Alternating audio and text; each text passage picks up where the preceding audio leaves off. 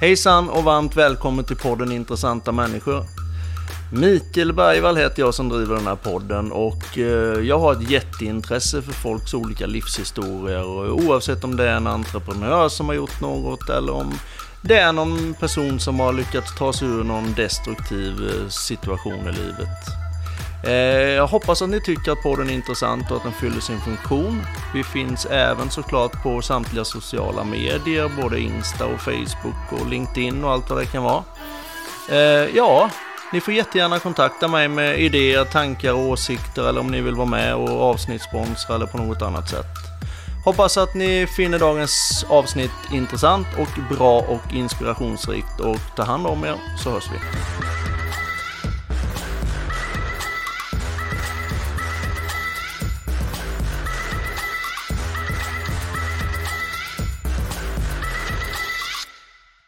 Välkommen till podden Intressanta människor, Emily Olsson. Tack så mycket. Varför vill jag ha det här tror du? För att du har lyssnat på min podd, Älskade Ja. psykopat. Älskade psykopat, ja. Eh, det är en podd som är helt fantastisk. Tack. Dels med historierna som är oerhört skrämmande, men sen har ju du en röst som gör att man verkligen lyssnar på podd. Alltså du får ju ett flow i podden som är makalöst bra. Vad roligt att Ja, höra. Tack. jajamän. Du, hur... Eh, vi kanske kan börja med dig privat lite. Mm. Som man brukar göra poddar. Vem är Emily Olsson? Jag är en 31-årig tjej som kommer från ursprungligen Småland, uppväxt i Oskarshamn. Eh, flyttade till flyttade hemifrån egentligen när jag var 18 och har pluggat utomlands en del i USA bland annat. Jag är journalist i grunden och har en magisterexamen i journalistik och var också väldigt intresserad av relationer och psykologi så att jag pluggade även en eh, utbildning till relationsterapeut. Och kände där när jag valde mitt yrke eller vad jag skulle plugga, ska jag bli journalist eller ska jag bli psykolog? Men det blev ändå journalist. Ja. Men sen har jag på något sätt genom mina år sedan jag var 24, sen jag då har börjat sen jag har jobbat då, så har jag riktat in mig mer och mer på just psykologi. Eh, och det har det ju blivit i och med den här podden. Ja. Som, ja, idén uppstod ur en egen erfarenhet. Ja. Och jag bor här i Stockholm kan jag väl också flika in med. ja, det är klart.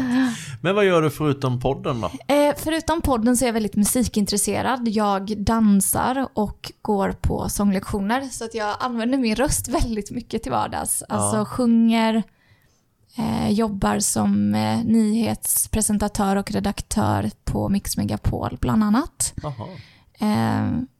Vid sidan av, eller man kan säga att jag gör podden vid sidan av det jobbet. Ja, okej. Det är ditt Ja, huvudsysselsättning. eller ja, nu har det blivit 50-50 kan man nästan säga. För Ja. att podden går ju ändå i två säsonger per år. Ja, just det. Där är det ju väldigt mycket att förbereda och spela in och hitta gäster och klippa och allting. Ja, det Så att det tänka tar mycket tid. Ja, det kan jag Men eh, utanför mitt jobb då så gillar jag musik, spela piano, sjunga, dans. Ja. Det är väl det jag... Ja. Jag måste ju fråga då, i och med att jag också brinner för musik väldigt mycket. Vad, vad är det för sorts musik? Alltså när det kommer till vad jag sjunger så är det mycket så musikal och klassisk. Jaha. Ja, lite annorlunda, men det har varit mycket sån. Eh, och piano har ju varit ah, en del klassisk också. Ja. Så att jag har ett piano hemma i min lägenhet eh, och har Cool. egentligen spelat sedan jag var liten. Skriver du själv egen musik? Jag har gjort lite så här filmmusik Ja. faktiskt. Det Jag har jag kan- gjort. Det har jag inte varit med i några stora filmer Nej, eller sådär, nej. men till egna små projekt. Jaha. Och då har jag en keyboard som jag spelar in med. Men musik är ju jättekul och det går ju lite ihop med ja, men både podd och radio. Ja men visst är det lite estetiskt allting? Mm. Ja. Det är lite skapande. Målar du och sånt Nej, också? alltså jag är jättedålig på att måla. Ja, Jag har jag- aldrig tyckt om det. Nej, men, eh, nej men det brukar ju gå hand i hand Ja. Mm. lite det där med att man vill skapa saker och ting och, och självklart förstår det. Men du fick idén av podden ifrån en egen erfarenhet, Mm. eller hur? Det var en egen erfarenhet med Mm. ja, en relation. Som jag har valt att inte gå in på. Nej. Eh, men ur den relationen så fick jag, ja jag fick, just där och då visste jag inte vad det var som jag var, råkade ut för. Utan det kom väl egentligen att det klarnade lite mer efteråt, precis som många gäster säger också i podden, att man förstår ofta i efterhand. Ja. Men eh, det var ändå en relation som gav mig inspiration eh, och den relationen pratar jag ingenting om, varken i podden eller när jag själv då blir intervjuad. Nej. Och podden bygger ju liksom verkligen på att andra gäster kommer till tals. Ja. Men det var väldigt bra för att jag tror att utan den erfarenheten så hade aldrig den här idén uppstått. Nej. Så ja, Egen erfarenhet Ja, enkelt. Ja. och jag tror ofta när folk kommer på saker kreativt skapande också bygger mycket på något sätt någonting som du har inspirerats av i ditt eget liv. Eller ur dig själv. Ja. Älskade psykopat, namnet på podden. Eh, det borde egentligen vara hatade psykopat. Ja, Eh, eh, men du gör det till... Eh, ja, Ja. måste jag tänka till. älskade psykopat, det är för att jag tänker så här att i till exempel podden så säger alla gäster, många gäster kan inte förstå hur kunde jag stanna? Hur kunde den här psykopaten eller narcissisten skärma mig så mycket? Hur kunde jag fastna i det och hur, varför är det så svårt att lämna? För det är ju väldigt eh, klassiskt. Ja. Det är svårt att lämna så någonstans har man känslor. ja. Det är därför hatade psykopat, då hade det varit så svart och mörkt alltihop från början till slut att då är det väldigt glasklart att det bara är att aldrig, aldrig liksom stanna, aldrig fastna där och lätt som ett lätt lämna. Men eftersom det vi också säkert kommer gå in på här sen. Men det finns ju uppenbarligen bra saker i de här relationerna också, vilket gör att de faktiskt fångas in. Och det är, därför, det är därifrån jag egentligen har fått namnet, att det är en blandad det är en blandad kärlek mellan värme och kyla, mellan ja, Därav eh, namnet. färgen, ja, namnet Ja, och färgen det. också, svart och vitt. Ja, där har du ju en mask i två färger. Och halva ansiktet ler och halva ansiktet eh, är arg eller sur. Mm. Och det är också för att det kan finnas flera personer i en person. Att Mm. en människa har flera ansikten. De här psykopaterna och narcissisterna. Jag jag har ju lyssnat som jag sa innan på alla dina avsnitt och flera avsnitt flera gånger. Kan du ta något utav avsnitten och beskriva och hur du kom i kontakt med personen och, och lite sådant? Ja, alltså det finns ju några avsnitt som jag tycker är väldigt... Som jag ofta tänker på. Eh, och det är bland annat Petras relation med en psykopat som var det absolut första avsnittet som sändes eh, för ett år sedan.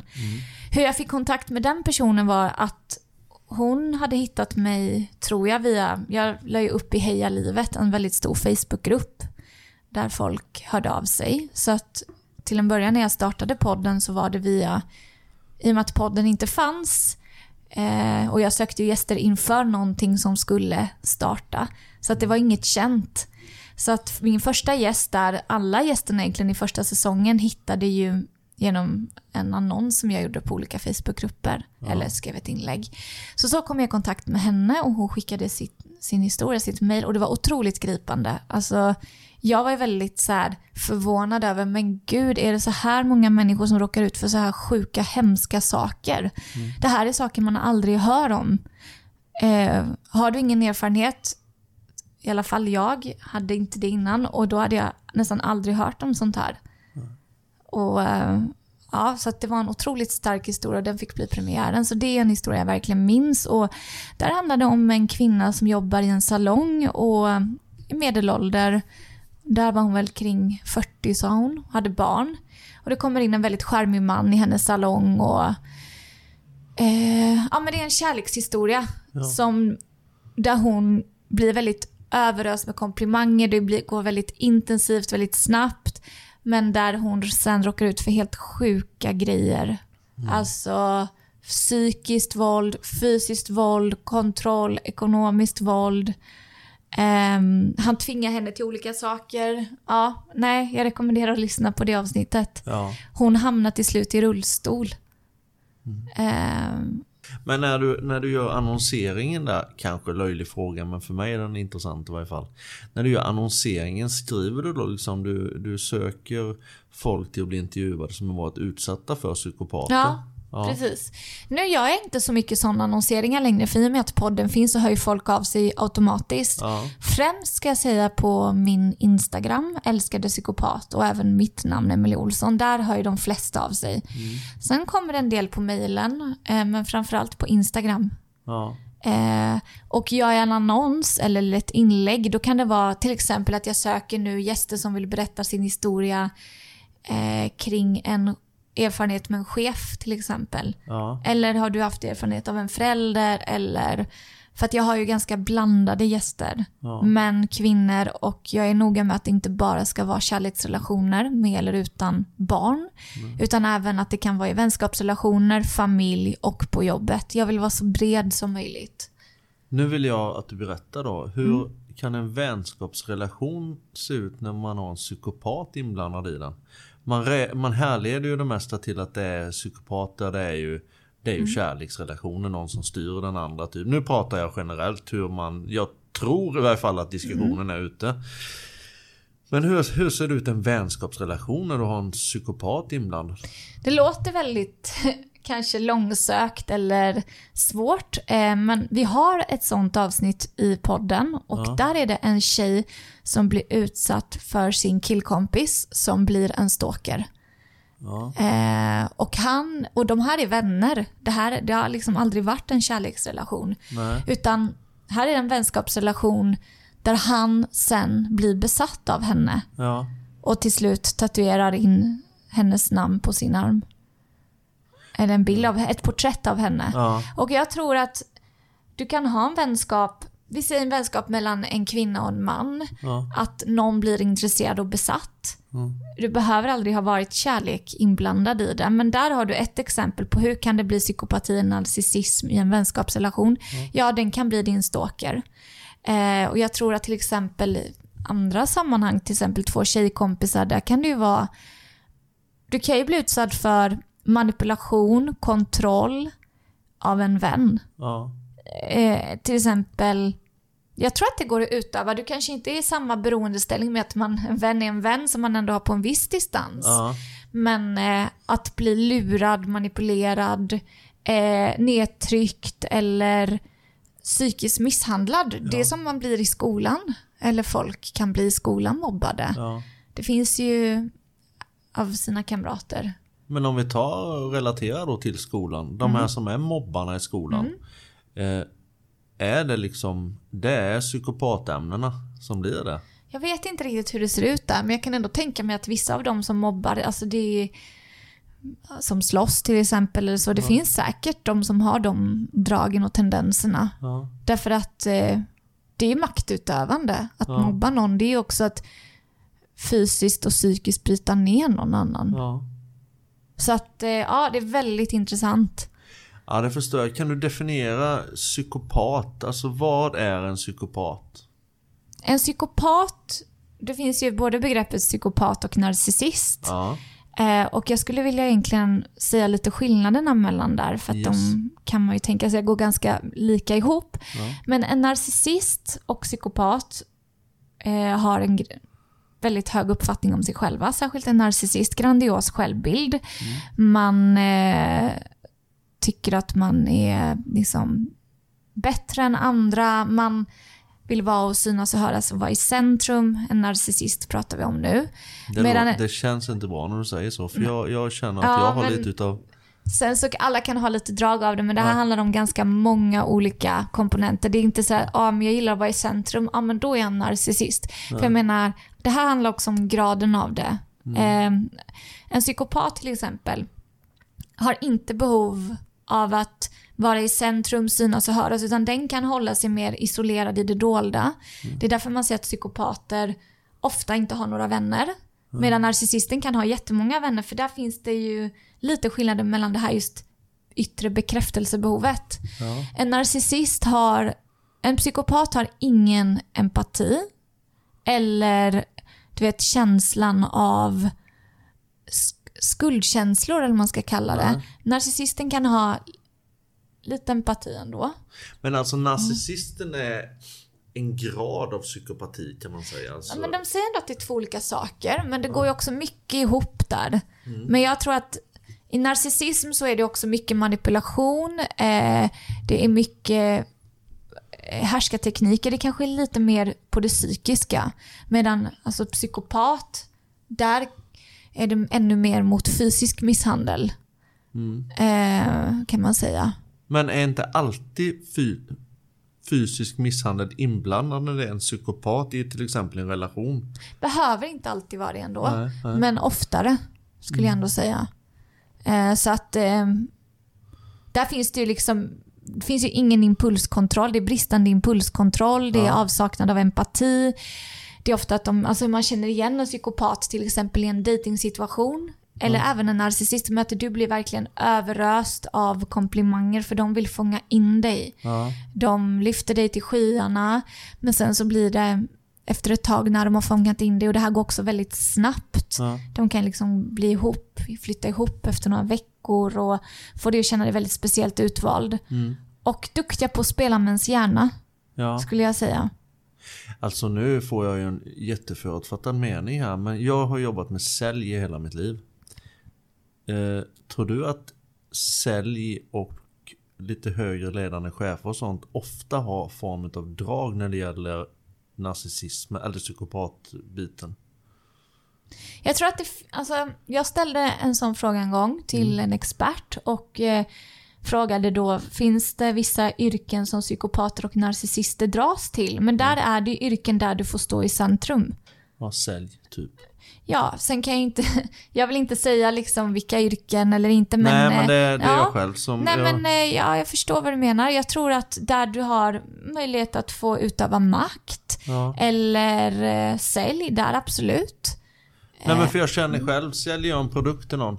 Jag är ju ganska, efter fem minuter, ganska säker på min sak. Hur jag ska argumentera Mm. för att personen ska köpa den saken. Det är ju... Måste läsa av. Ja, jag läser Jag känner ju hur, hur han... Så ifall man... Det kan ju vara så här, låter ju konstigt kanske men ifall du har den här empatiska förmågan som man ska ha som människa. Ifall man använder den fel så slår det ju jävligt fel alltså. För du kan ju använda den till att utnyttja folk också. Och eh, situationerna också. Absolut. Nu menar jag kanske mest i början utav säljkarriär och sånt här när man är tvungen att sälja för att tjäna, alltså för att få provisioner och sånt. Men, men jag kan tänka mig att det kan vara ett yrke som tillhör eh, och, och där man får utöva makt och sånt där. Och så. Sen är ju inte hela, hela våran eh, yrkesofficerskår psykopater såklart inte. Men, men, eh, men ledarroller kanske är, är Ja. lite så. För ledarroller är väl ofta förknippat med diagnoser också. Jag vet inte. Nej det är jag som där. sitter och spekulerar. Ja, men däremot så, trots det så, så sägs det ändå att just de här karaktärsdragen, det kan man hitta faktiskt i nästan alla yrken. Ja. Både män och kvinnor. För att Ja. man, man ska inte glömma bort att det finns bland kvinnor också. Nej, det är ju en av punkterna vi skulle prata om. Vi pratade om det förut lite innan här, men när, innan jag började lyssna på din podd, och då är, jag ändå, då är jag ju ändå 50 år och jobbat inom ja, missbruksvård och allt sånt där. Jag trodde alltså inte att det fanns kvinnliga psykopater. Förrän jag började lyssna på din podd, men det gör det ju. Och ett av de här senaste avsnittet, det är det senaste avsnittet va? Nej, det är det ju inte. Näst senaste avsnittet är det. Det va? Det var senaste avsnittet där en man pratade var ju Lasse. Ja, just det. Där var det. Och så man blir helt... Eh, känns som att man inte är med i samhället när man hör sådana historier. Vill du berätta lite om den historien? Historien om Lasse handlar om en man eh, som idag i podden, han är 49, eh, men han berättar om en historia där han träffar en kvinna för 20 år sedan eh, som han blir väldigt intresserad av och hon är väldigt eh, intensiv, hon eh, Ja, men hon har väldigt mycket vad ska man säga, karisma, charm, precis det jag berättade om hur de fångar in sitt offer.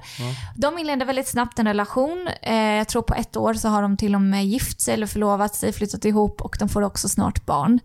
I den här relationen så råkar Lasse ut för psykisk misshandel till en början. Eh, men sen även fysisk misshandel, att hon slår honom, att hon tar sönder hans glasögon, att hon eh, tar kontroll på hans ekonomi. Han, han, har liksom inga, han får inte ha sitt kreditkort tror jag. Hon har liksom total makt och kontroll över allting.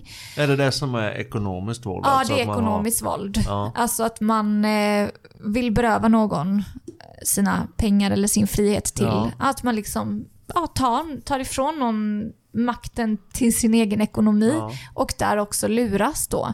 Men han har ju flera barn där och eh, han blir ju så otroligt nedbruten psykiskt, fysiskt Ja. under de här åren och det här pågår under väldigt lång tid.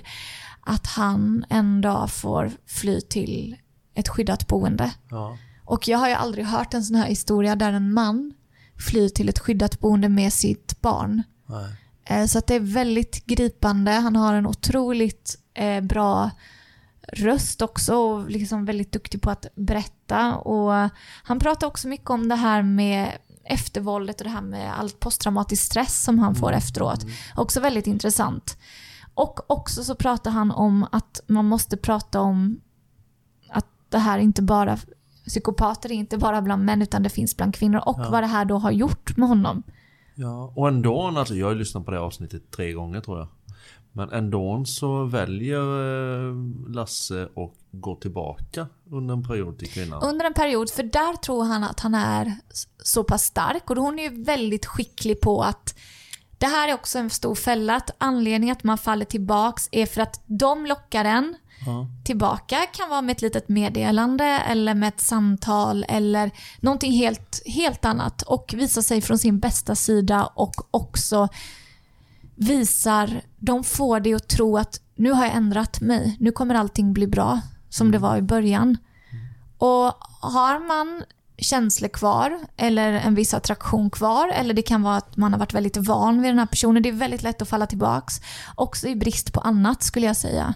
För de är otroligt duktiga på att eh, fånga tillbaks till sin fälla. Och där faller han tillbaks. Han tror att han är så pass stark som han berättar.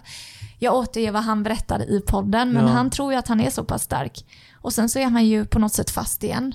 Ja. Men han lyckas ju ta sig därifrån sen ändå. Mm. Men de är ju superskickliga och därför ger man ju verkligen rådet där noll kontakt. Och det är ju inte alltid så enkelt om man har barn tillsammans. Nej, det, det förstår jag. Men sen är det ju som man hör många, ja men han slog henne, va, eller varför lämnar hon inte bara han och sånt där. Är det rädslan som gör eller är det för att de hittar de här bra sidorna hos den andra personen Man blir gör? väldigt kastad mellan värme och kyla. De blir slagna en kväll och sen på morgonen spelar de så med ens huvud att det här har aldrig hänt. De kan gå upp och i något avsnitt så här, ah, lyssna på musik, koka kaffe, överösa med någon present och nu ska vi åka på äventyr.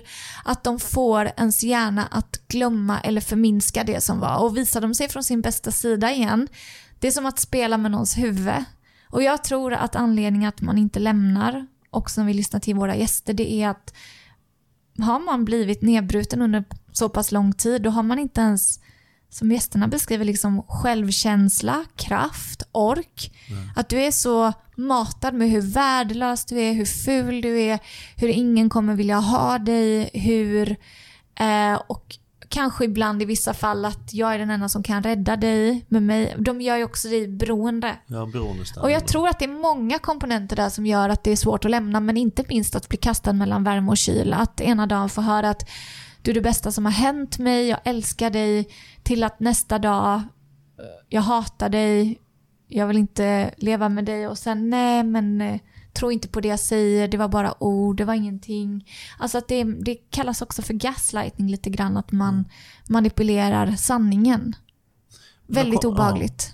Ja men det, det är ju genomgående på eh, många av samtalen och, och in- intervjuerna och Mm. dokumentärerna som du har att eh, Dagen efter så är det liksom, nej det verkar som ingenting har hänt Ja. överhuvudtaget. Så, men hur, hur kan, jag vet inte hur pass insatt du är där men förmodligen en hel del. Men hur, hur kan man som person bara klippa bort det där utan att få det här dåliga samvetet? Mm. Jag tror för att det finns inget samvete och det här är alltså personer som saknar empati. Ja, Kanske inte... Och jag tror också att de gör saker, de när sig på, de livnär sig på att, eh, att kunna bete sig på det här sättet. Att de får liksom energi och kick av det. Ja. Att de ser inte det som att... Ja, de har ju avsaknad av empati och då tror jag inte det finns samvete eller... Det är svårt att förstå dem och terapeuten som är med i podden, ja. Mikael Larsen säger att, det har han sagt eh, flera gånger, liksom att vissa saker kan man inte förstå. Nej. Alltså man försöker söka svar som man inte kan hitta svar på. Medicineras de här männen och kvinnorna på något sätt? Kan vi- man medicinera dem? Ja, det, alltså om du får en psykiatrisk utredning och får en diagnos psykopat eller narcissist. Finns säkert, eh, alltså jag tror inte du kan liksom ta medicin och sen oj nu är jag ingen psykopat längre. eh, utan det här är ju en hjärnskada. Ja. Och det föds, alltså hjärnskada man föds med. Det kan vara genetiskt, det kan... Eh, men att, att liksom medicineras... Ja, jag vill inte uttala mig om just den biten. Nej. För det får jag nästan en psykiatriker s- göra. Men däremot att eh, jag tror inte det är så lätt att bli av med det här. För det här är ju en personlighetsstörning. Ka- Alltså det här är en personlighetsstörning, eh, det, det är ju såklart, men hur... Är det en personlighetsstörning som kan komma med åren eller är det något man föds med? Eller är det något som man kan bli på grund av sin uppväxt till exempel? Jag tror det där är väldigt olika. Som psykopat, jag tror att det är en hjärnskada som man föds med till viss Mm. del. Eller ja, det skulle jag nog säga. Och sen så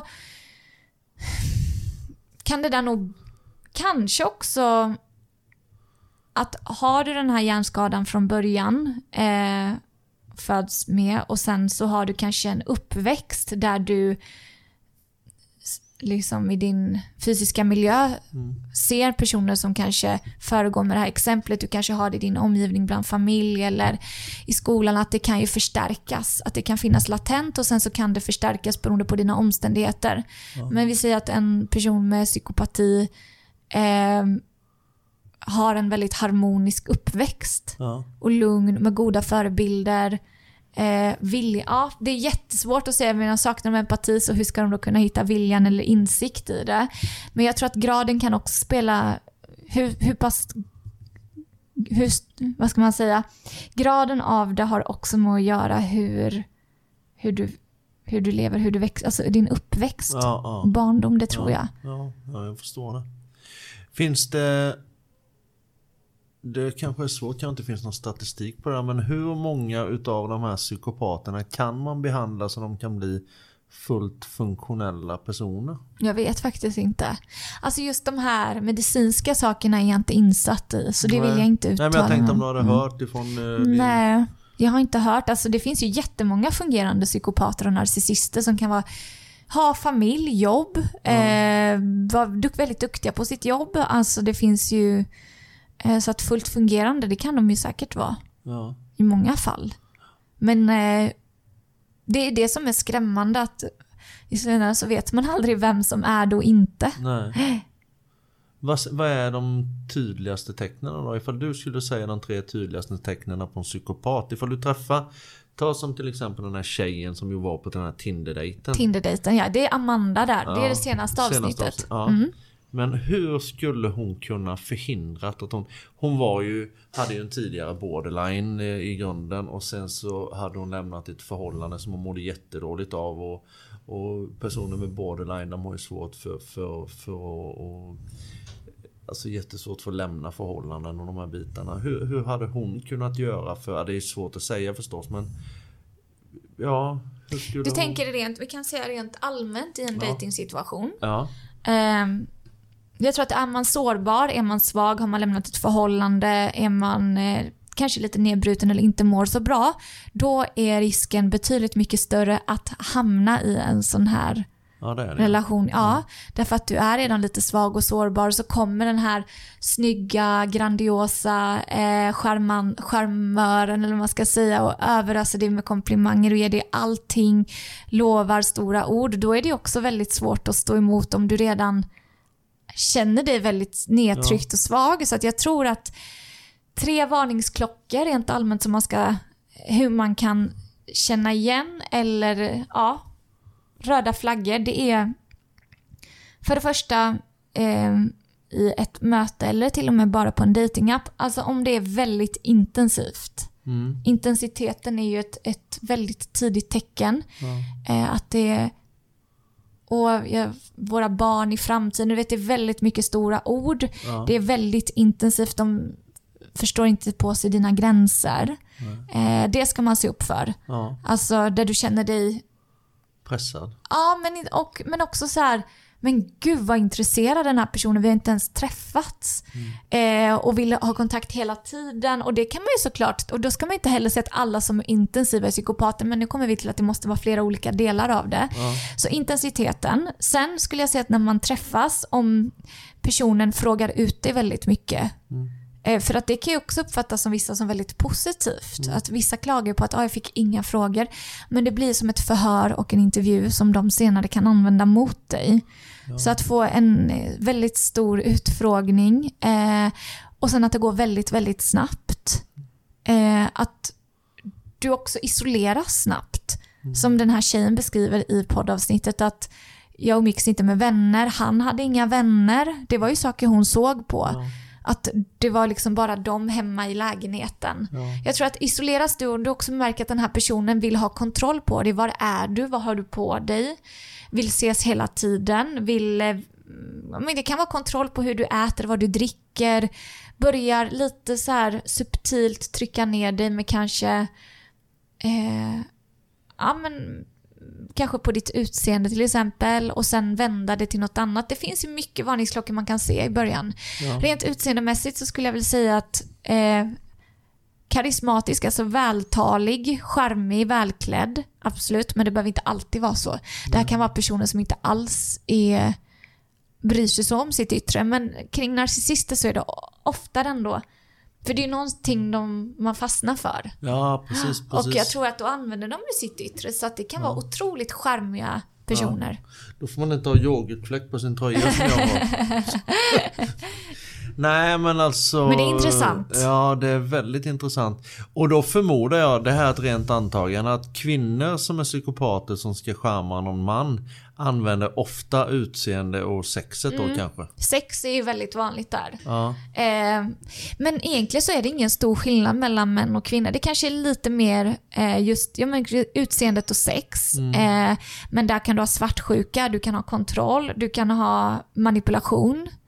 Eh, att vilja ja, men, växla mellan värme och kyla. Så att det är väldigt mycket likheter. Ja. Men även fysiskt våld, det har vi ju sett i avsnitten. ja. Det, det är en sak jag tänker på det där och vi har ju också pratat om det innan här att Just när en man då blir utsatt för en psykopat, en kvinna som är psykopat, då har ju han eh, ett helvete såklart. Självklart har han ju det. Och sen då har han ju även den där del två i mannen, att han ska bevara sin manlighet och han kanske har ännu svårare att prata med Ja, en manlig kollega till exempel. Nej, du, jag, får, jag får stryk hemma för det är en skämsfaktor i det här. Det låter konstigt när jag förklarar, men du förstår vad jag menar. Eh, hur, alltså hur, eh, hur gör en man som blir utsatt för en kvinnlig psykopat på så sätt? Jag tror att det som är svårt kanske, alla män har eller mm, vissa män har ju svårare kanske med att prata känslor och Ja. ha, liksom, knyta sig an med kompisar på det sättet. Men mm, det här är jättesvårt att säga exakt hur en Ja. man gör, men när vi tittar på avsnitten så har vi ju män som har vänt sig till med socialtjänsten, Ja, polisen, men också problemet där är att de inte alltid blir betrodda. nej. Därför att det är lätt. Till exempel finns ett avsnitt där Tom berättar sin historia. Och eh, det var i säsong ett. Och kvinnan börjar slå honom. Tjejen börjar slå honom hemma eh, och gör någon sorts drama där. Och skriker så att grannarna ringer eh, polisen. Och när polisen kommer då sätter hon sig i köket helt oskyldig. Och du vet sitter där med sina söta fina ögon som han beskriver. Och ja, men liksom att det är svårt för en man att bli trodd. För att är det en stor stark man Ja, så vill, väljer man ju. Det är liksom inpräntat så. ja. Så att det är svårt. Eh, jag, ja, det är väldigt svårt att säga hur en man ska göra. Eh, Men finns det några speciella men det finns ju organisationer. För, Ja, det finns det, det, finns ju Akillesjouren. Det finns ju jourer för män, precis som det finns för Ja. kvinnor. Absolut. Så ifall en man blir utsatt av Mm. det här hemma så ska man kontakta först En jour ska jour. man kontakta. Eh, jag tror mansjouren finns också. Ja. Eh, och sen så skulle jag säga liksom och kvinnorna är, kvinnorna är Ja. kvinnofridslinjen Ja, och, ja, kvinnojouren, kvinnofridslinjen. ja. bland annat. Eh, men jag ska säga så här att det här har också några män beskrivit att kvinnan hotar att ta livet av sig. Ja. Okej, hur gör man om någon hotar att ta livet av sig? Men då ska man ringa 112. ja. Det är bara liksom Alltså för att det, det är också ett hemskt medberoende att hamna i det där att man vågar inte göra slut för att då kanske den tar livet av sig. Mm. Det är inte helt ovanligt. Nej. Nej, det är, ja, det är Man ska också, men oavsett om man är man eller kvinna, jag tror att prata om det här, verkligen med människor som du har förtroende för, våga prata om det. Skäms inte, därför att det är inte ditt fel. Alltså jag tycker det är så viktigt. Hur många psykopater har vi ute i samhället nu? Ja, det är jättesvårt att säga. Men finns det något procenttal? Ja, jag, jag vet faktiskt inte. Nej. Jag har inte gått in på det riktigt. Alltså det finns nog mer än vad man tror. Däremot rent diagnostiserade, det finns ett stort mörkertal där. Ja. I och med att jag tror inte att en psykopat går och söker eh, för att utreda sig. Nej, för en psykopat inser inte själv Nej. Nej. Så att eh, det är nog många man missar. Eh, och sen finns det väl just var gränsen går där, det är väldigt svårt. Men jag tror att i och med de här datingapparna som nu är väldigt populära, det gömmer sig väldigt mycket sjuka människor där bakom. Ja, det har man ju förstått. Och det räcker ju med Facebookgrupper. Man Mm. Ja. ser vissa grupper där. Ja. Alltså, eh, man häpnas ju av vissa sjuka kommentarer som kommer. Och gör Väldigt Mm. obehagligt. framförallt många mäns. Mm. Men du Emily, du har ju även haft med en eh, diagnostiserad psykopat i din podd. Mm. Hur kommer det sig? Hur fick ni kontakt? Den här personen hörde av sig till mig eh, och när jag läste det meddelandet då var jag såhär, nej men det här är säkert en, en man som vill berätta om sin erfarenhet. Mm. Men när han då skriver att han tycker väldigt mycket om podden och känner igen sig i historierna och att han själv är diagnostiserad psykopat och väldigt så här, intresserad av hur kan jag ha blivit det? Stämmer det här? Eh, nej men du vet, känner igen sig också. Så då var jag så här, men det här måste jag ju ta med. Jag har också fått eh, frågor. Ibland kan ni inte ha med en, en riktig psykopat så får vi höra den sidan. Mm. Jag tycker det är väldigt intressant för det här är liksom en intervju du aldrig egentligen får möjlighet att göra i vanliga fall. Nej. Eh, Det har i princip aldrig hänt att någon har hört av sig och sagt att Nej, jag tänker det själv att han själv hade Ja, insikten han hade insikt i det. Så att jag, ja. Och det kanske han hade i och med att han också läste sitt, sina papper. Ja. Eh, och ja, så att han hörde ju av sig. Men hur kändes det att göra den intervjun? Nej men alltså alltid tror jag att du vet när någon skriver till en sådär. Man är ju alltid på sin vakt och alltid Ja. försiktig. Men jag kollade ju upp lite grann och sen bestämde jag mig för att göra intervjun på en offentlig plats. Ja. Eh, och det är klart, det är klart att jag kände så, ah, nu ska jag träffa en diagnostiserad psykopat, undrar hur det här ska bli. Man är ju lite osäker Ja. innan. Men när jag väl träffade honom så var det som ja, men en vanlig person. Mm. Det var inte obagligt och vi träffades på en offentlig plats och gjorde den här intervjun. Mm. Eh, så att, eh, ja, men det var ändå en annorlunda intervju, det han berättar i det avsnittet. Ja, det förstår jag. Var du rädd? Inte på plats. Nej. Nej, jag var inte. Jag kände mig på något sätt ändå, i och med, hade jag varit själv, Ja. alltså man är ju alltid lite försiktig. ja. Men jag var inte rädd där och då. Nej, jag var inte det. Vad heter det? Är det enbart tidigare erfarenheter som har gjort att du fått det här intresset för människor? Du har ju journalistik, Mm. så det måste ju ha kommit där också. Gör du andra journalistiska uppdrag som inte relaterar då till psykopater och de här bitarna? Alltså jag jobbar ju med nyheterna. Mm. Och där är det ju rapport, alltså det handlar ju inte alls om det utan där är det ju bara rapportera om nyheter. Ja. Skriva och egentligen har jag ju inte, alltså jag har ju jobbat med både nöje, jag har jobbat med lokaljournalistik, webbjournalistik, reality, alltså jag har ju jobbat med egentligen ja, men ganska brett Ja. nyheter in och utrikes och Ja. både tidning och radio och tv. Så att just psykopati och narcissism och den här delen av psykologi, den har ju någonting som jag bara har sysslat med egentligen i ett år. Ja. Men jag tror att du använder mycket av psykologi i intervjusituationer. Mm. Jag är väldigt van vid att intervjua och jag är mer ovan vid att bli intervjuad. ja. Jag är väldigt trygg i den rollen att, eh, att fråga. Men du är väldigt trygg i den här rollen också. Tycker du det? Ja, det tycker jag. Ja, men man är alltid så här, man tänker, tycker man tänker sig väldigt noga för vad man svarar på något Ja. sätt. Man är inte lika förberedd. på att bli intervjuad som att intervjua för då har man med sina frågor. Men vad bra. Ja, men det känns bra att prata här tycker Absolut. du? Ja, Ja. Mm. jättebra. Det är jättebra. Om vi går då lite mer djupare in på din podd Älskade psykopat. Mm. Vad är din, har du mycket samtal bokade nu framöver? Eller intervjuer? Nu har jag ju fått ett hundratals ansökningar. Ja, Det är ju så pass mycket. Så att eh, nu har jag ju eh, spelat in säsong tre och den släpptes ju i mars. Ja. Nu kommer säsong fyra släppas den 13 september. och varje säsong är 10 Ja, det kommer bli 15 avsnitt 15 i höst. ja. Eh, vi hade 11 avsnitt den här säsongen. Så mellan 10 till 12 har det varit och nu kommer det bli några fler. Ja, Då brukar vi ju ha ja, ungefär 12 gäster kanske som eh, berättar sina historier, män och kvinnor. Och sen så har vi ju relationsexperten Mikael Larsen där jag då bestämmer ett tema. Det kan vara Första var till exempel vad är skillnaden mellan narcissist och psykopat? Och sen kan det vara hur lämnar man en destruktiv relation?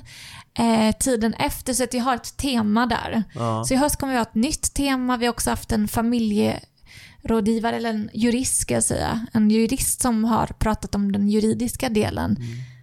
Med liksom vårdnadstvister och så vidare.